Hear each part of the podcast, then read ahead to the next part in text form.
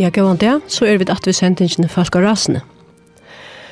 Og gesten til okken i det er Osmundur Justinsen i Havn, og heter Åndersending til okkon på Havn. Osmund er som sier søgnast, født og oppvaksen Lorvik, og som unge forhandler kips, og søttene for han arbeid av fiskeransøknarstående. Og vi tog inn i kjøpte hans skip, og høver røyere ut vid tret ved fiskeskipen. Samma vi syne så innanfor han fjør, undrar røyna nødja løyer, da tar kjøpte gistingarhus i Hafnia og i Havn. Åsmund er òsne eia fermentan, og at tøytninger og tøytningen er at varvøyda ta søvelige vire. Og for nøkken Arne Sjøjane let han opp Vatasan i Lorvøk. I Ødrona Syversen og tøkninger det er Ronny Petersson. Kan det Åsmund og velkommen at. Takk for det. Ja, søgnast, ta sier du okkon at uh, du nevnte syner, tjatar, men uh, du sier du åtte fyra syner. Ja. Ja, ja, Jeg har snakket om det så Jeg synes også for noen om Little ut i løtene, igjen. Jeg har trodd jeg sinner, og det tar som jeg nevnte. Ja, så har vi finnet det på plass. Ja. Ja, ja Little Osmond, hvordan gammel er han? Han er åtte år. Ja. Han er nekko hjemme i sjåken, så. Så det var det, det som? Ja. Ja. Ja, men du har fortalt det, nekka av tøy som du opplevde som baden i Lorvik, og og så ble du, komst du til Mans og begynte å føre av kjekkfen. Ja, vi kom nok fram til her til jeg først sted vi Sæborg, da jeg foran av Kajina, så pikket du til vi klassesjene av noen. Og jeg kan minnes åren vi først sted. Ta smuja i med en lippekasse. Det var så løs at da man følte skipstad, så, de fleste skipene, så var det kjoldrotter, det som man åtte, den fisk som man fikk, til åtte mann, eller det er tærlige fisk som man fikk, til åtte mann. Og jeg mener hos om lippekassan som jeg antar. Jeg var i tjadlaren og tja Jakob Trøndheim, Heri og jeg, smog av en lippekassa saman, og han er tvei rom, og en til til daglige fiskaroi, det som han fikk øynde, og så han talte man ut i rom og i et annet, så la det som han finnes ved vikene og i ut i noen. Jeg har også om ærligheten om bare kjipet som vi er ta. Det er ikke lippekasse lasa. Og det var mist om kveldene om bare kjipen, Luide Ljøs om bare sluppen noen. Og her stod lippekassene, og tar fink og fri. Ongen gjør det nekka ved lippekassene, tjakker en øron, og jeg husker om alle ærlighetene som er middelføren kartong bare skipet. Um, Alt som jeg husker om eisene til er tar man for det kips av første turen. Det har vært her at uh, lære at vi lojen. Um, her byrja jeg lojve middel menn vi til at man måtte akta. Jeg var byen å komme opp av Røvertøren til jeg var kommet når ur Kattelnån, eller kom ut av Møynesgrunnen til Rottlai. Jeg var ringer av Sjøverskje, orka jeg nesten ikke at standa, men jeg måtte så atle råre å styra, og jeg orka ikke standa å styra, tog jeg synka sjøvart. Det var kjed, kjede trekk råre, og Men minnes han styrmann, annars som førde kipet, at han turen var kallas for Antro, Heinsen og Lorvik, og bestemøveren var Meinar, papi Antro. Meinar er alltid ser det gau med som smadrong, vi bor våre grannar, Og jeg minnes ta i hei stort godt og vel heltene av uh, rauertørnen, og så sier meg når vi med, nå er små færre noe til bare og legge til atter i kodgjene. Det var en god bo å få at jeg minnes det. Men annars er det her at man måtte loja, begynne å komme opp så måtte du komme, begynne for lastene så måtte du fære, begynne for at bløkka så måtte du ta, byna avhøyta så måtte du gjøre til. Og jeg husker om uh, tøyene, hvordan det brøyt. Hatta vært ikke bare ikke tøyene som for det kips, ta for det jo de fleste og alle drøntjen og til kips, det første tøyene hos gjør. Hatta galt øsene for gentene. De aller fleste gentene i fyrjon får ut av tæna. Altså, det unga falske, de tante. De var tænare, og jeg halte at uh, det er noe som manglar i okra samfunn i det det er at det unga folket, de do ikke noe vel at tjene. Og jeg halte at jeg måtte skulde fylst det at, at åren og en blir herre, så må man tjene. Og må ikke fra, fra vassa for lengt ut i at det er, men det er kursi enn jeg ikke hos om. Vi tar ikke, vi tar ikke her til annars, vi tar ikke unga slupper av unga menn bor som det var da i var unger. Og det manglar en, lika som en tænaste tog av de unga falskene i fargen, for at de skulle være byggvinn til å være løyer og herrer. Eh, nok vi tog. Vi får så Siglande vi Sjæborg, og vi kom i vidt Osland, og jeg halte ikke hei nekka rauertaren atter av turen. Tog jeg var sninka sjøvers. Jeg hadde vi kastet utenfor Seidsfjøren, og han fører inn. Hette var nok frutja det, tog leier det, 17. barstad var den jeg seitsfjøren minst det, og sånn og det, ta fingo vid knetter og boding. Og det var nok den uh, første ord, ordet jeg målte inn jeg fikk, eller at siden jeg fjør ur fargen. Vi var så, jeg må passe på ikke for å gjøre for drøtt om kipsturer, det kan være sånn trøttende å høre på, folk hører så nek om skipsturene der, så jeg skal gjøre kostet det. Vi var i Ísland i naturen, og det gikk som en vanlig kipsturer, og vi, det enda vi, vi, vi, vi fører på Vestland til fiska, og det var som sagt kjoldrottor, og vi var og halvan fjøra måneder bostor, og fink og trojendra og fjørte kipund. Så gjerne fører vi ut av silt, ut av silt ved Sæborg, og jeg hoksa nevnt og lydsynder om sildatøyene, tog hun var en halvt sérstruk tøy til det føreska samfellan. Ta vi for ut av sild, ta, ta var en 45 til 90 føre skip som var til sild, når han fyrir vi gøtt noen. Og vi tar mun var 1200 menn.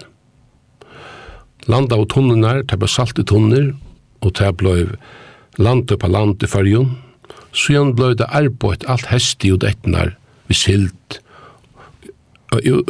ut av imske bygden, og det var nek folk til arbeids, tjøkken allan vetrin vi har få oss vi sildatunner, og har få deres sted om vare. Hesi 105, hesi 5 for skipen, og 5 skipen, til fiskav til samans, 130.000 tonner halde i beste året, og til vi omrakna til omlai 20.000 tons av sild. Og i det fiskar ein kraftblokka batur kanskje 40 halvt trus tusen tons, ikke alt silt, altså, men svarskjafter og annet. Jeg husker om hvordan vi for, for, uh, forvalta ressursene i forhold til ta.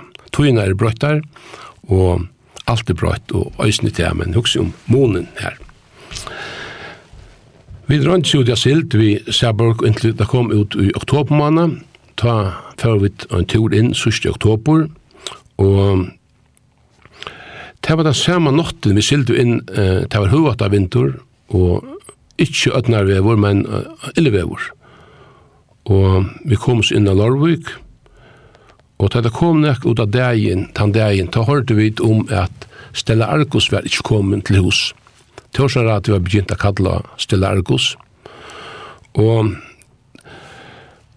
Tar blir vi a kalla Stella Argos, han sværa ikkje, Og vi vet at hvordan litt han søvann var. At litt han fører skilta flåten for å løyta, løyta av Fra Katlunum og i møter Íslandi og i fjörnungum mittel skipen, det sildi og i rettjud nord etter Estur Djup, men her blei ontsi funni attor.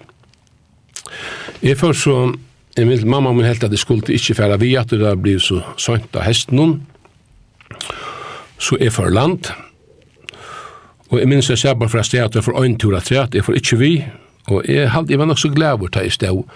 Jeg minns da hun var fra landet, så jeg da stod oppe i ratten i Larvøy, da hadde vi vært i fjallet. Og jeg var Espen, så jeg hei, nu får vunnen nekka kronen i Osland og silt, og jeg minnes, jeg kjepte meg et lamp. Da held jeg meg, altså, en vaksna mann, så jeg hei kjøpt et lamp fra Jokk Olaf oppe i ratten i Larvøy.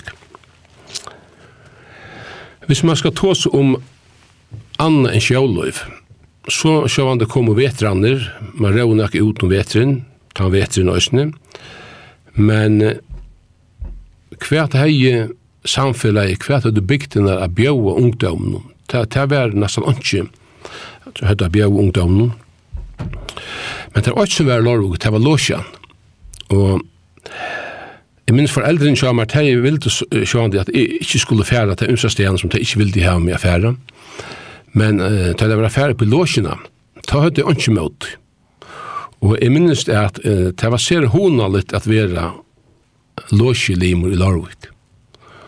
Og jeg minnes mengt uh, mengt hotekande fra tog tøyene.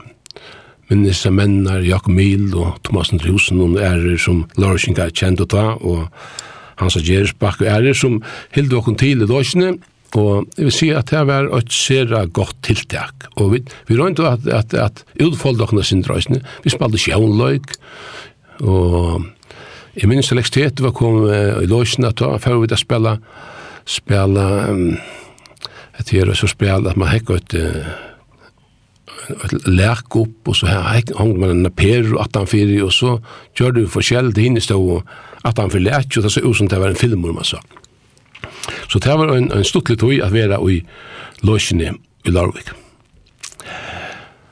Så er til året ferdig, og klokka sjøkken gang og kjøtt, så jeg skunda meg.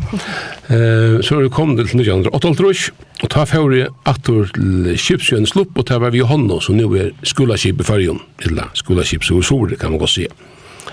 Og Eirik og Batjemoen førte i hånda, fra Øysen til Øsland attor, og atra silt, så det er meg fra korst om han naturen. Men det var også en gaur Íslandstur som så, lydde jeg få i Ísland til, til Are, vi fikk så knapt opp i en 322 kippund. Og så gjerne fyrir vi atur av silt med i hånden, og bare alt som jeg minnes fra, eller minnes nek fra det, men, men alt som jeg skal nevne, vi fikk en større seto. jeg minnes om morgenen vi får opp at dreja silt, ta er det vidt, eh, en av fem fjørunger i fargen, det er som jeg har sett farger borster. Og vi får adreia, bøyna var tunga som hingo forut, og da vi lød å adreia, ta var en rikva av silt i gøtten. Men jeg hadde rundt at du ikke få en, en sang nå midt i midtelen, så hadde vi tekan og for å voja vis ned Silda Røsjen som var ui, og vi kom tanke meg at vi sunko, eller ikke vi sunko, nei, at Horst Vite Måke som... Vi kan gå. Gustav Winkler. Synge for jokken. Ja, vi tar Gustav Winkler vi Vite Måke.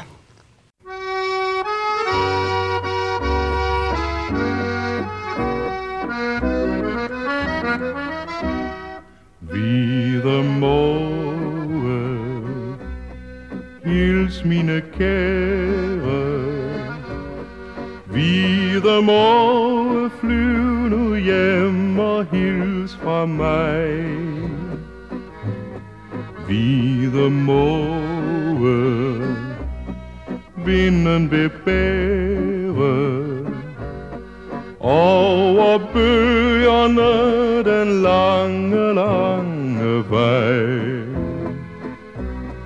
Fyre glimter mig i møde fra det fjerne som en hilsen fra den store by. Vide måge, hils mine kære, og fortæl dem, at vi snart skal ses på ny. Ude fra fremmede lande, Ude fra sømannens vej Fjern fra de hjemlige strande Flyver min hilsen til dig.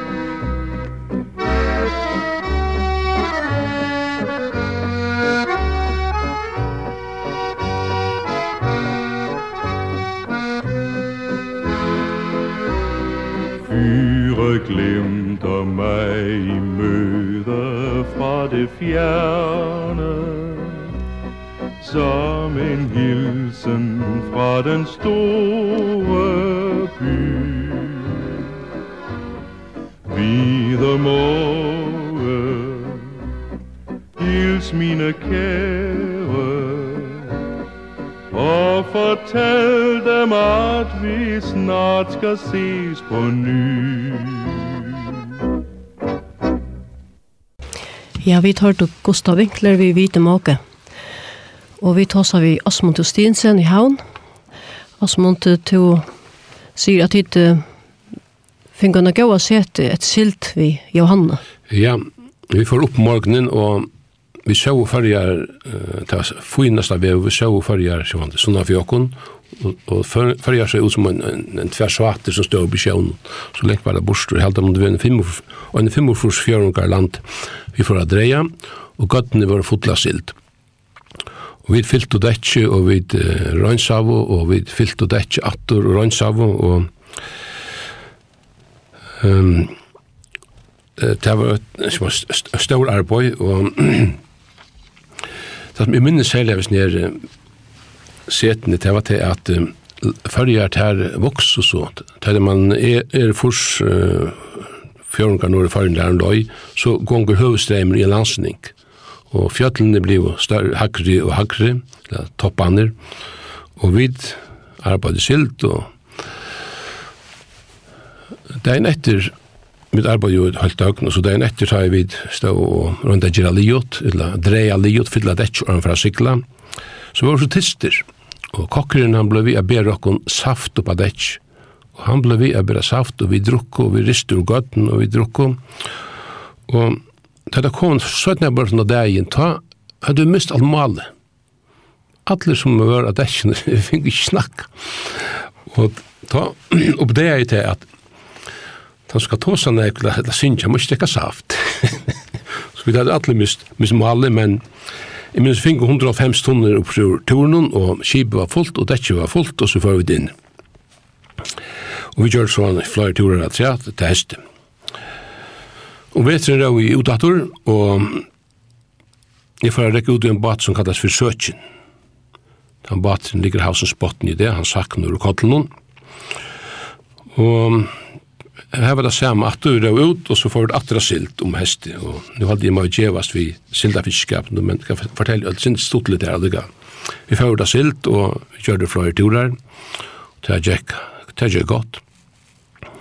Og en dag, jeg til om bare skipen, at vi først rønte man her, at det er stort litt, det har vært en form mot det, som man ikke er grunnet, og ikke er fortelle om. Så menn rønte alltid gjør okkur for å få at det er det kjempe litt, og Så den ene dagen her vid syd og eta døvra, da får vi hevestunga til døvra. Det finnes jo ikke hevestunga vi. Så det vil komme ut september måned. Og jeg minns jeg for oppa at det ikke var fullt av silt, for oppa at det rønsa, så tok jeg og jeg skær et bøyn av en hevestunga. Og teida vi i håndene, ja, så jeg var ringa så kull og æren, det var en i 18 år, og Da jeg kom på dette, så visste jeg hvert for menn, eldre menn stod og og avhøyt av henne. Jeg skundet meg til å komme, og jeg stakk siltene, når jeg stakk bøynene i en silt. Og så fyrir en pappa bøy som mer at at avhøyta, og jeg, jeg fylgjer vi, og nå, nå, nå, nå teker han i silten disse som jeg lagt her, og han skjer ned og han, og han skjer øynene fyr, nei, han fikk ikke høyt av. Så sette han møyra, Nei, han fikk ikke høyde av sildene. Hett er var gale, tenkte han, og han er hitjen i siltene, og hva finner han, og det her var bøyen. Og det ble så snakk om fløyde deier, hvordan og atfrekker, og atfrek og silt kunne være. Og så var det kommet gjemme på for jeg får det sånn kjent litt, ja. Så ført han tog inn for å bo, jeg var søkjannen, og så gjerne fikk en ikke ut langsild, jeg vil slippe prøve og annet, Jeg får vi, året etter får vi en norsk båte til Grønland, som kallast for Fløman. Fiska var ivrig og i fra mai måned og til uh, uh, november, altså for, var hjemme og, i juli, og for så sted etter 17. barsen i juli, og, og fiska var ivrig til heste. Og så får vi av Fløman om heste, vi gjørt for gåa turer, og at han er for landhegene, så får jeg til Danmarskar vil du prøve noe annet. Jeg får ny til Danmarskar at fiska laks i Estersjøen ut fra Bornholm. Ta vær i Øysene at det om, om 18 år gammal. Og jeg får a sigla vi Karl Johan Svai munnen, og vi fiska av allan vetin her i Estersjøen, det var sere harst liv. Det var det herreste liv jeg veri vi til ta av sjøen, det var fiska laks.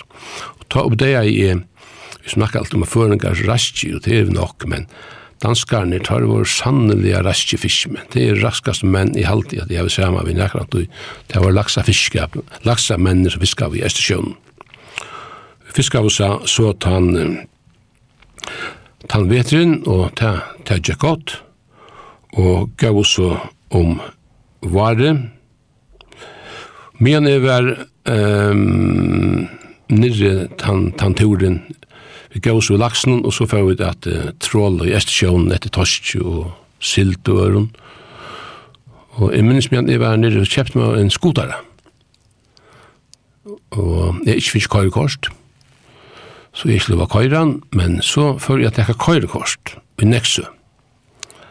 Og det var ikke så, så at jeg skotare, det var faktisk måtte skotare, men jeg kjente så for at jeg kjøpte meg skotare, for at jeg køyrekost, og koordinerte tøymer, og så minnes jeg at jeg skulle teka køyrekort. Så skulle læreren stand i endan av en ved, og jeg skulle køyre i hin endan, og så skulle jeg vente. Og så kom det av en skal teka køyrekortet, og jeg kørte i rettnar, han stod og hukte, og ta i dreia i endan av venon, ta kørte jo på forstovet. Så her, altså, reik chansen kommer jeg å få køyrekort. Så jeg kørte på forstovet, det måtte man ikke gjøre. Og jeg kommer ring og lær i rett til køydlæreren. Så det er ikke godt, nei, dette, dette var ikke godt, sier han. Og så sier jeg, hvordan er det i forståen? Nei, forståen, det kjenner vi ikke før, hun sier. Og jeg leier ikke, det lar du ikke forstå. Ok, sier han ved meg, så fast du bare køyrekost. Og her fikk jeg køyrekostet, men det som verre var at jeg finner ikke køyrekostet, jeg skulle helst ikke køyre, for jeg finner ikke det skrivlet, jeg finner ikke det bare en sånn lepa, det er tidsdag, Og jeg var så spentur at jeg får om hva sommerkvöld, jeg får om kvöld i etter skotarnon, stå i Nexø, og jeg bor i, i Svanike, om bara kipen så jeg tog skotaren og får køyrande til Svanike. Men hva henter da jeg kom inn i Svanike, dreier jeg meg hjørn her, jeg minnes en hjørne. Tar en kona framme for meg, og hun dreier jeg av bøynt for meg i renni av konene, hun var rutland etter venen. Og jeg tenkte, nå er gale, nå er utrykning på beina av henne. Hun røst opp etter, og her kom folk til, og hun sier, nei, nei, nei, det må ikke, gjøre vi han, til jeg har alle skiltene, jeg treier inn fire. Glau var det, for korset med alle baten, og sett uh, skotaren, jeg rørte han ikke, for jeg finner ikke kørekorset etter i hånden. Ja. Uh, Osman, du er yngste høyre, flere sanger det, så kanskje vi skulle høre ta neste sanger nå. Ja, jeg tok meg, ja. Ikke sånn at vi, vi skoter å gjøre, men det gjør han ikke. Nei, det gjør kanskje ikke, nei. Vi prøver den her, hva var sjømann, synes jeg. Ja, og det er Flore, Florence og Hannes som synes jeg. Ja.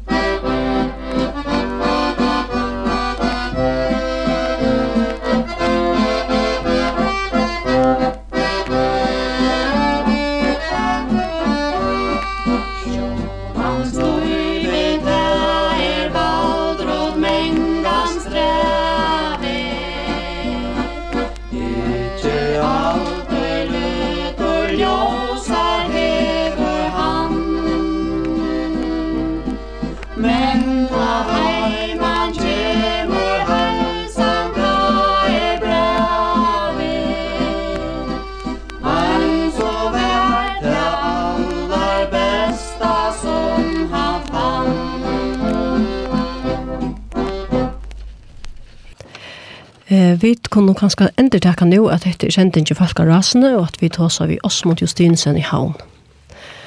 Osmond, hver var vi bare kom til, er vi fra Lort etter sned sjansen? Vi var kom til til at vi var kom ut av sommer i her, hver jeg var i Estesjønnen, og jeg var i i sånn laksabaten som nå fiska i et silt og torsk, og Ta var en annan kipar kunne bor som nekker før han kan kjenne rettelig ved han åtte baten ta. Han kalles for Ole Bassi av Bornholm og Han var en rettelig kjente med over og i Holfjersen og Forsen og Djolfemsene. Og jeg kom et attorlig til at tæna og spille inn ombord.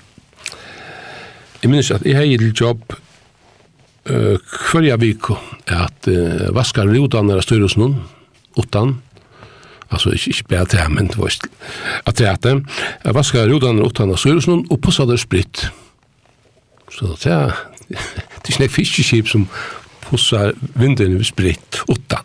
Det skulle gjøres øyne fra vikene, så det var godt vever i Estesjøen og sommer, så det var ikke nek sjøver også. Um, så var jeg her nere inntil jeg kom ut sommeren, så kom jeg opp til farger, så får jeg sjømannsskolen.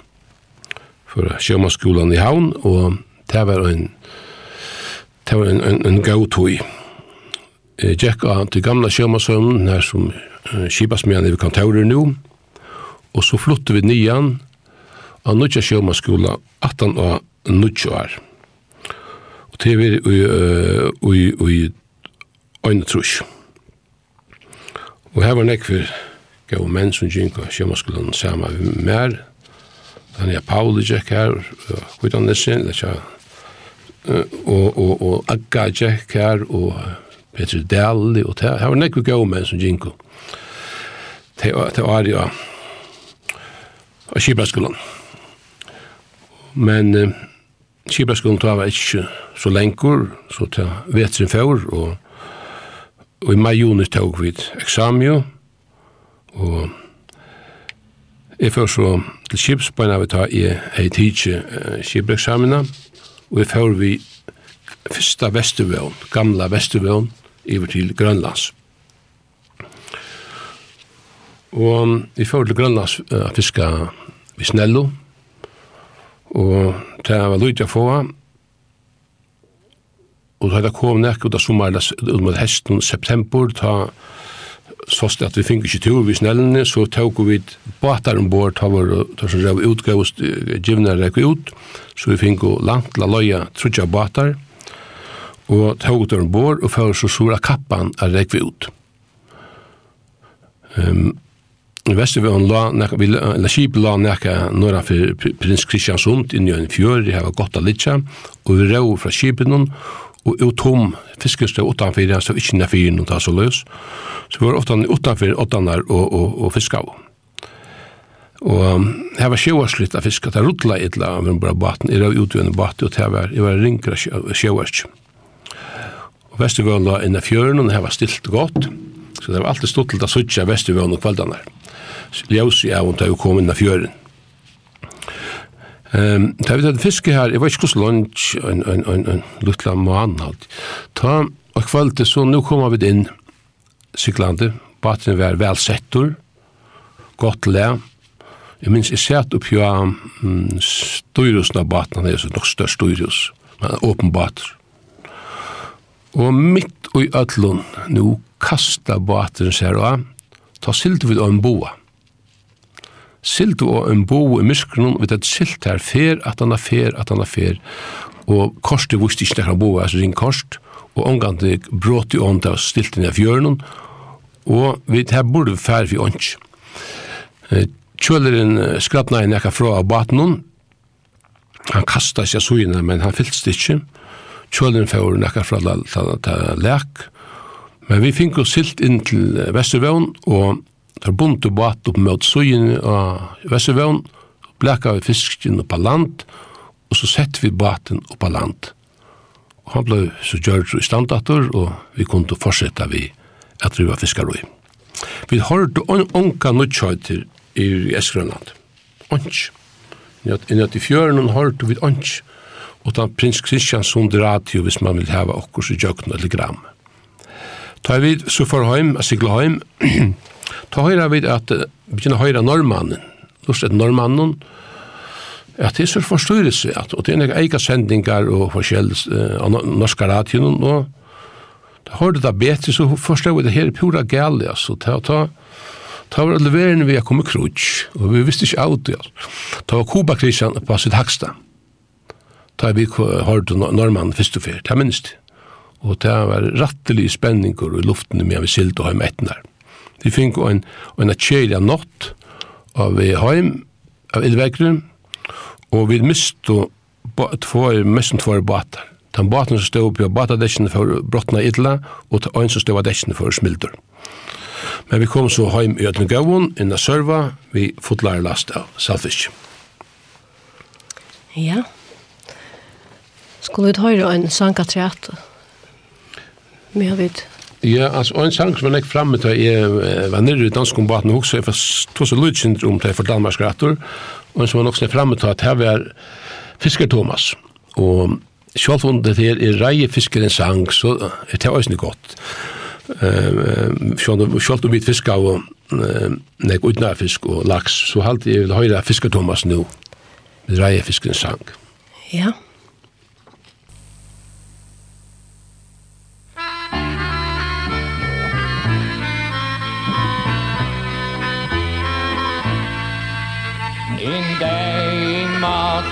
går som sagt Den var ret vest i nord Humøret var højt og vejret var fint Og alt gik vel ombord Vi sejler 300 meter På bjerget rejer i land. Vi stål i slud Vi måtte derud Et jobb som kræver sin mand Vi red mod stormen dag og nat En kamp på liv og død. Jeg så alt som var på vores dæk Gik tabt i vind og sø Vi sejler 300 mile For bjerge, rejer i en land. Vi stormer i slud, vi måtte derud Et job som kræver sin mand. Den tredje dag blev årets fint Et suk fra alle løb En lille båd på det store hav kunne nemt er blevet død Vi sejler 300 meter Fra bjerge vejer i land. Vi stormer i slud Vi måtte derud Et job som kræver sin mand Så husk det nu, du søens mand Ej havet du trodse kan Mod stormens rasen, ingenting jeg vil. Du er jo en lille mand Vi sejler 300 mile Fra bjerge rejer i land. Vi står i slud, vi måtte derud Et job, som kræver sin mand Ja, Osmund. Hva er vi kom til? Beie? Vi er kommet til at vi var kommet inn og sørva vi Vestervån, og vi får til hus managen. Ja. ja. Det var godt å komme hjem etter, at han lenka en tur, og, og en, en også kjelige røyse. Um, at han har til, men om du så hadde sykla ved danskaren, så jeg gjør det av at jeg skulle fære nere til Danmark skal sykla. Ja Og så slapp jeg sikla vi en bøtjamun som øyde Johan jakko. Han bor en i Esbjerg, han bor her så igjen midt i Holtrusjen, og først bor jeg en hundsted, og så i Esbjerg. Og jeg får så nyer at du ta sønt om hesten, og jeg ble forlova over i havn, så gjør hun kom nye i Øysene, Hon fikk arbeid nere, hun fyrir arbeid, hun er arbeid til Rujtjumbun, og slapp arbeid inn i Utarvisministerien, men jeg fyrir ut at fiska. Og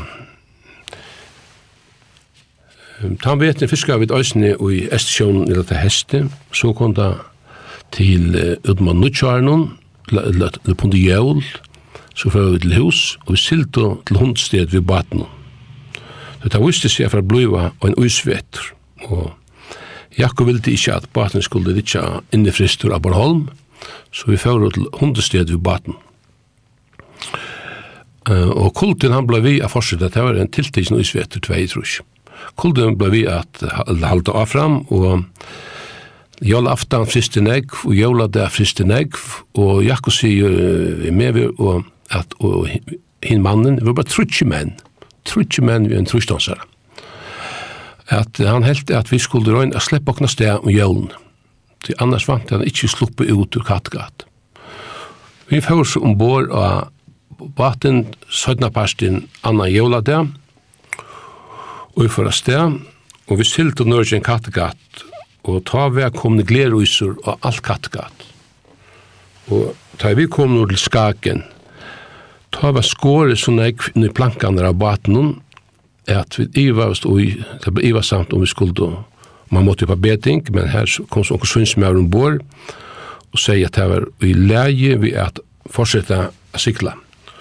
Så vi fortsette og fjorde lykka nye til Esbjerg og gjør det baten klare til fiskeskap av fiska i Norsjøen. Eh, Hvis vi ikke hadde ferdig av sted til tanndegjen, så hadde vi li innefrister inntil vi ved første meimannet. Hundes og bataner som ikke slå fjord ut, det var øynest som fjord, hinne lov til byen tredje eller fjord, at de slupp ikke ut ur havnene, og tar kom ikke i Norsjøen, for det var sust i aprilmannet. Så nek var det frist. Jeg minnes at jeg var heima i hundstedt og jeg tar bo i akkurat i hundstedt og meia siste mun øsne. Ta var hundstedt han frist i båten. Og vi gjør det godt fiskarøy i Norsjøen. Og til det beste året som er nekkant jeg har haft sjøen til, til, til inntøk og i forhold til noe til tøyina som tar vært, det var tvei trusje. Vi var nok beste båter som var uh, i Hundsted og i Estersjøen og til inntøk, og kanskje en av de beste var i Esbjerg og Øystein. Og jeg minnes at vi kjente mannsparsen var 42.000 kroner i tvei trus. Så det var en stor inntøk. Det var stort litt av fisk i, uh, i Norsjøen, særlig om sommeren det var fisk av nebbasilt og uh, grunn og vatten og sol og hit og det var, det var rett interessant. Og en av meg hadde fisk i Norsjøen så skulle vi fære hala. Og jeg pleide jeg slå ut, slå av veirene jord her atre, og hinn med oss stod vi spjallet, og jeg jakke bare min stod i styrelsen. Ta i slå i veiren jord, ta på en eller annen måte halte i ujan, og jeg fyllt ikke vi. Jeg får sendt han til, man sier, Ivbor. Og her får jeg i oljeklav. Og Jeg får helt sånn, jeg helt så minkjen, uh, veire får bont under, det stod jeg gående, og jeg fyllte vi under øsene. Og jeg minnes meg at jeg kom opp at, da jeg har ikke slept, jeg har slept, så var gæl. Så da fikk jeg ikke gjørst for å fast og i veirene der. Og jeg minnes da jeg kom opp at, bare råper jeg tar om halt fast, halt fast, og jeg helt. Fær kløkt meg og sindre opp av veiren, og så helte. Og Jakko dreia som sindre av Storebor ved baten, og fikk man nærre veiren, og hin med avrin, han skunda seg at, for at kobla spel i oi, og er helt. Da røpte alle inn halvt fast, og jeg var ikke blinn i ørvid, det var ikke, men jeg kunne ikke svimme, det var stillevån og alle klæv. Og her helt det, og jeg helt lykka inntil tar hiva meg opp i forgolgan hiva mig upp i forgolgan, så bølta de meg inn av dekk, og sloppe vær, så det finnes meg etter, som man sier, og beholdt. Så fink, ta, ta, fink vi trålig inn, og det, det var leie. Jeg ikke synes nekka skei av det, vi, vi fortsetter. Fiskar ui som vanligt, men jeg passer jo vel på at han var til hver jeg fyrir slår veien ut i atterkolgan.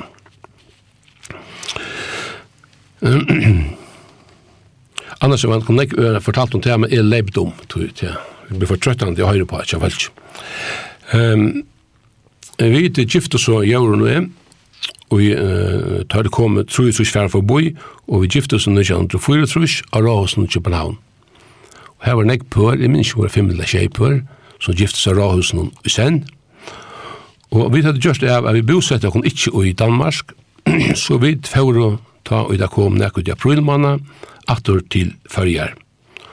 Og så gjerne var det imskon skipun i fyrjun, ta inn at vi, vi har klatsi det eirik det klakk, så fyrir vi just ved sildrekanon, jeg skulle færa vi til Grønlands, jeg lærer at det var fiska laks, det var tanken ikke just, men det blei vi til det. Og så enda en bor, så var en bor av sildrekanon og vi nøyt, og så kunne leve en bor av sildrekan, a læra seg fiska vi nøyt, og jeg får så vi leve, han ber meg komme viss her, om bor av klett, og vi høres ut av fiska sild vi klette, beste med orsjonen, og vi fiskar sild og betonner, og til røysnyen, høyld søva fyrir sjálvan. Det er heldig ikke tog jeg fra tåsa for nekken til. Og i 1905 og trus, nei, 1906 trus, vi kom til nå. Ta fyrir som 25 gammal, akkurat fyllt 25, fyrst og fyr ordentlig som skipar. Jeg er skipar ungtøy, nysikling til England og svart, men så får jeg en, som skipar i en tur, så det var en, en, en, en løgn tur, ja. Det var det at jeg får til Peter Dahl, og Bjarne Niklasen, og Leiv Lutzen, til åtta en bat som kallas Frikvessingur.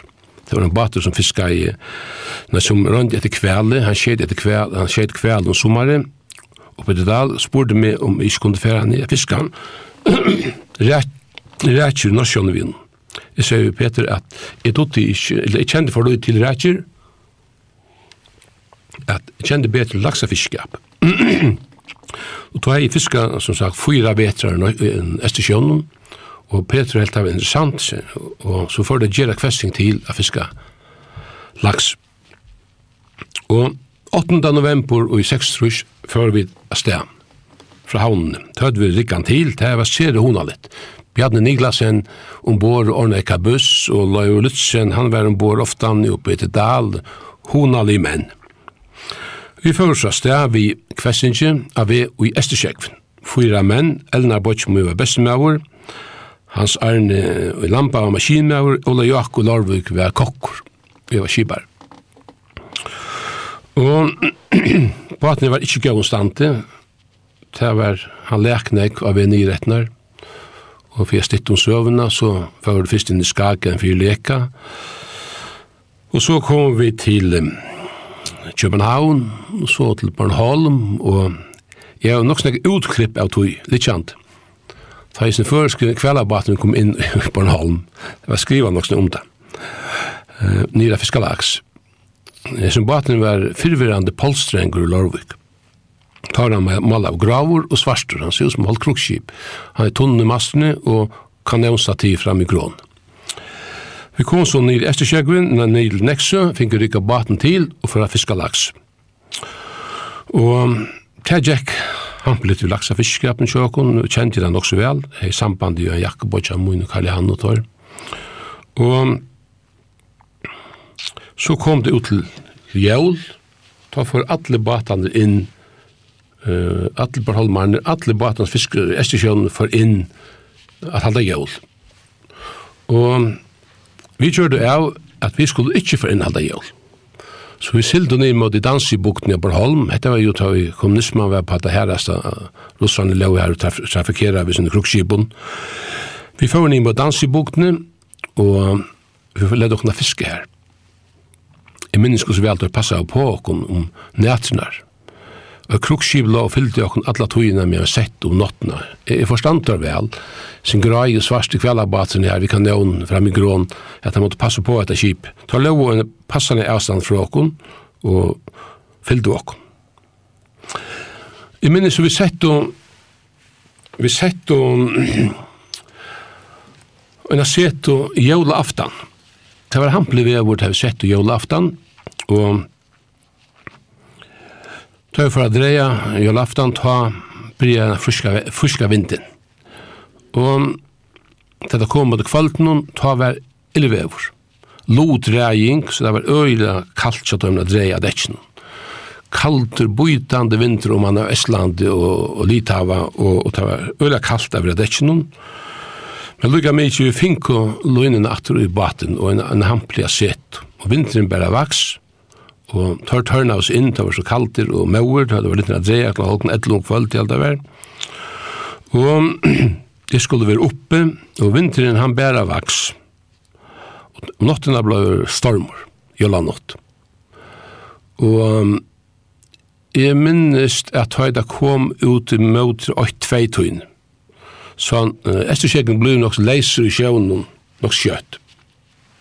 Så nu den suttje, nu, nu, nu brøyde framafyr, nu skalva framafyr av baten. Og jeg rønte at dreia omtan, og han det etna er stikk. Sjekvuren, det er hun som er sjekvur, han, han lei inn av, inn av bakbord av baten, og jeg tenkte, det breit, nu får alt i smilt smilter sjåken, altså allar, allar laksakassaner og allar bøyinar. Men hvordan vær og ikke vær, bøyinar var ikke brottnar til sjekvuren av tatt nei, men vese, som var her framme i skolen, det var vekk. Det var brått inn, og jeg minnes ves kom han la i hundra petton at jeg reiv. Men det gav mykje, vi fikk å rådde opp, og vinter minka i måte jolamåttene, og vi, da det kom nekje ut, ut av det, i jola det, da fikk vi kors enkare nye, enkare av, og Ola Jako, han får a kokkast, og jeg minns han kordi dunner som han stokte, og jeg trygg vi aldri han pjødre a venda dem i sjolvor, det er venda seg sjolvor i skuffene, det er rutleis mykje igjen Men det var så bare hona litt, og jeg halde det var fyrst og fyr, jeg finnes ikke brev fra Jauron som fortalte at Monte Carlo var feria senda, kristelige sendingar, og jeg halde det var fyrst og fyr, jeg hørte Monte Carlo senda, det var hendan jola jolamorgen, eller jola dagen nere i Estersjønnen. Ja. Og du i samband ikke stod har en sang?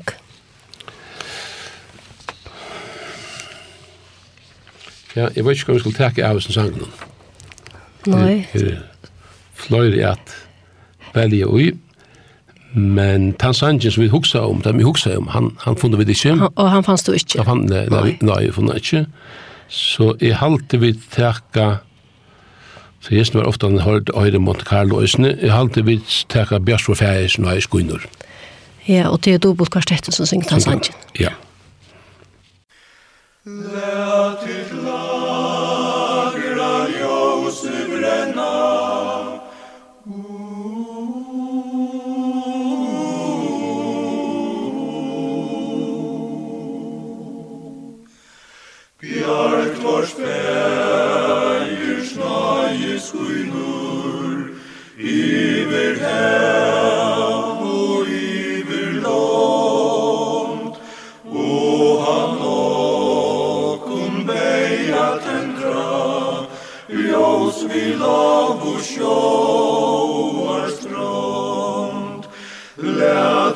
lagra ljósi brenna, lysa bjart og slökna æg, så ei skulda støtt i vanda, finna kan tja bæg no lai.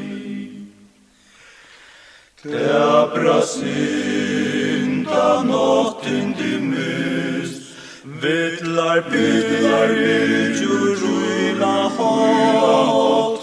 Ei og trojt du enkist itja Etter ljausi uit i natt Lät ditt lagra ljausi brenna. Lysa bjärd hos lökna aj Så ein skuta støtt i vanda, finna kan ta bein og lei. Hyrt ut vai kall mun brauer, frelsa kall,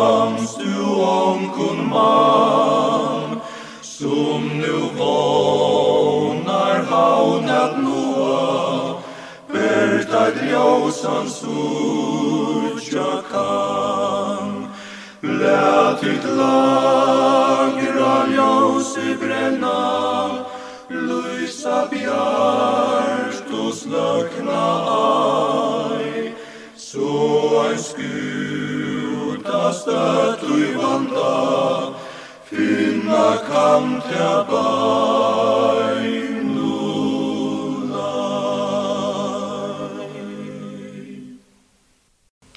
Vi tar til dobbeltkvarstettene vi gjørst vår fægis nei skuiner.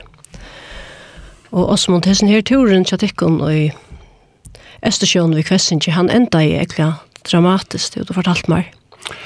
Ja, jeg var ikke dramatisk, men uh, han er så ikke livet ennå. Og det kunne vi kanskje takke opp uh, neste fyr, enda den turen.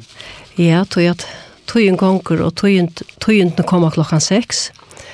Så jeg halte at vi går med til neste sending og høre om hvordan tanturen enda i.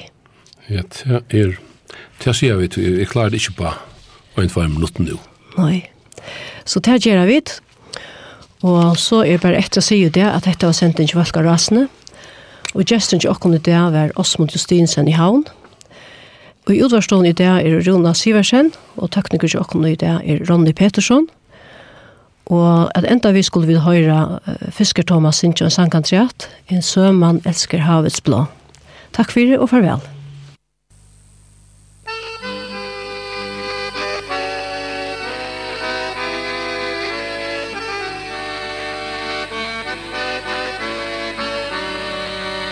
En sømann elsker havets blå og bølgernes brug. Han svinger sig i mast og ro For stormen er sus Farvel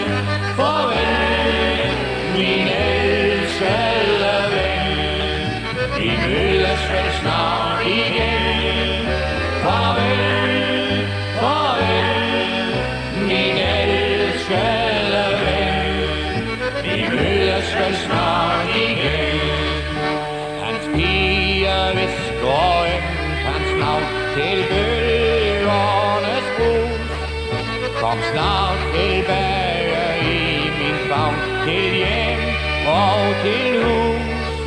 Farvel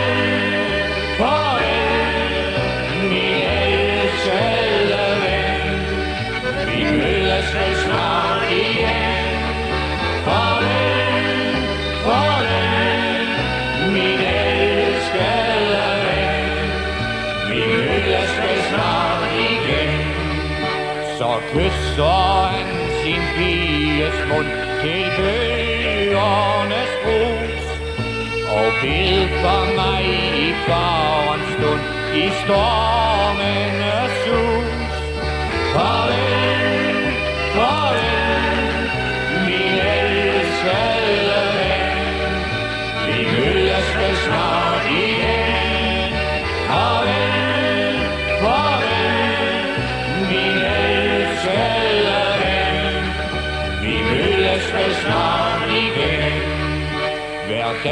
hun går til stranden ind Til bølgernes brus Og drømmer om sin hjertens ven I stormenes sus Farvel, farvel, min elskede ven Vi mødes ved snart igen. Farvel, farvel, min elskede igen Når vinden tuder vildt og vredt Til bølgernes brus Han synger før han skiver ned i storm